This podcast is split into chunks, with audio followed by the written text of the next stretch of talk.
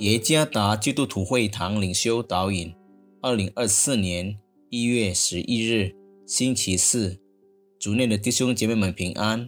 今天的领袖导引，我们要借着圣经约翰福音十章十一和十四节来思想今天的主题。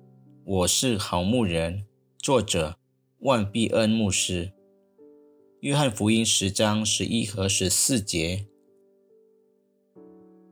我是好牧人，好牧人为羊舍命。我是好牧人，我认识我的羊，我的羊也认识我。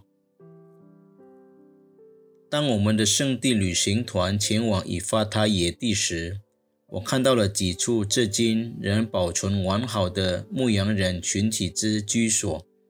他们的房屋特意建造青草地上，和几处人造和天然的。泉源旁边，牧羊人特意在这个地区定居，为了可以很好的牧羊羊群。作为羊的主人，牧羊人不想住的离羊太远，因为靠近羊群，牧羊人更容易感受到羊所感受的，因此牧羊人可以更容易。帮助那些遇到问题和面临狩猎者威胁的羊，在与受雇的牧羊人有很大的区别。当基督宣称自己是好牧人时，他实际上是在说明自己乃是远超过普通牧羊人的神。在今天的经文中，我发现了决定一个好牧人的几个因素。第一点。基督认识他的羊，第十四节，他按着名叫自己的羊。第三节，基督不仅与羊很亲近，而且认识每一只属于他的羊。耶稣知道他每只羊的短处、长处、强点和弱点。耶稣明白什么使他的羊群快乐，什么使羊群悲伤。耶稣了解有关每只羊的一切，甚至超过羊对自己的了解。第二点，基督看顾他们，引领他们出入，且走在前头。第四节，这意味着耶稣同在于他羊的生活中，他指引当行的路而不致迷路，即使当他的羊迷路、受伤、走失时。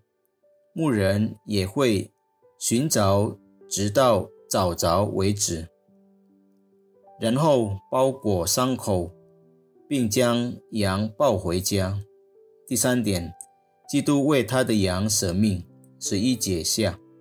虽然以发他野地的牧羊人以实际与羊群一起生活，与好牧人还是有分别的。甚至当他的羊面临野兽准备吞噬时，基督也冒着生命危险来拯救他的羊群。能成为他牧养的羊，我们的生活多么的幸福！对我们而言，除了基督，没有人能够认识和了解我们；除了基督，没有人能够保护我们；没有人愿意为我们的罪孽和过错而死。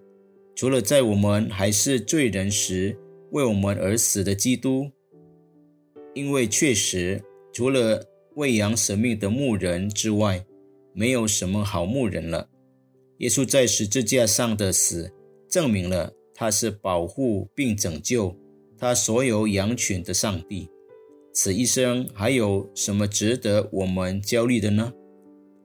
认识、保护并为我们显出。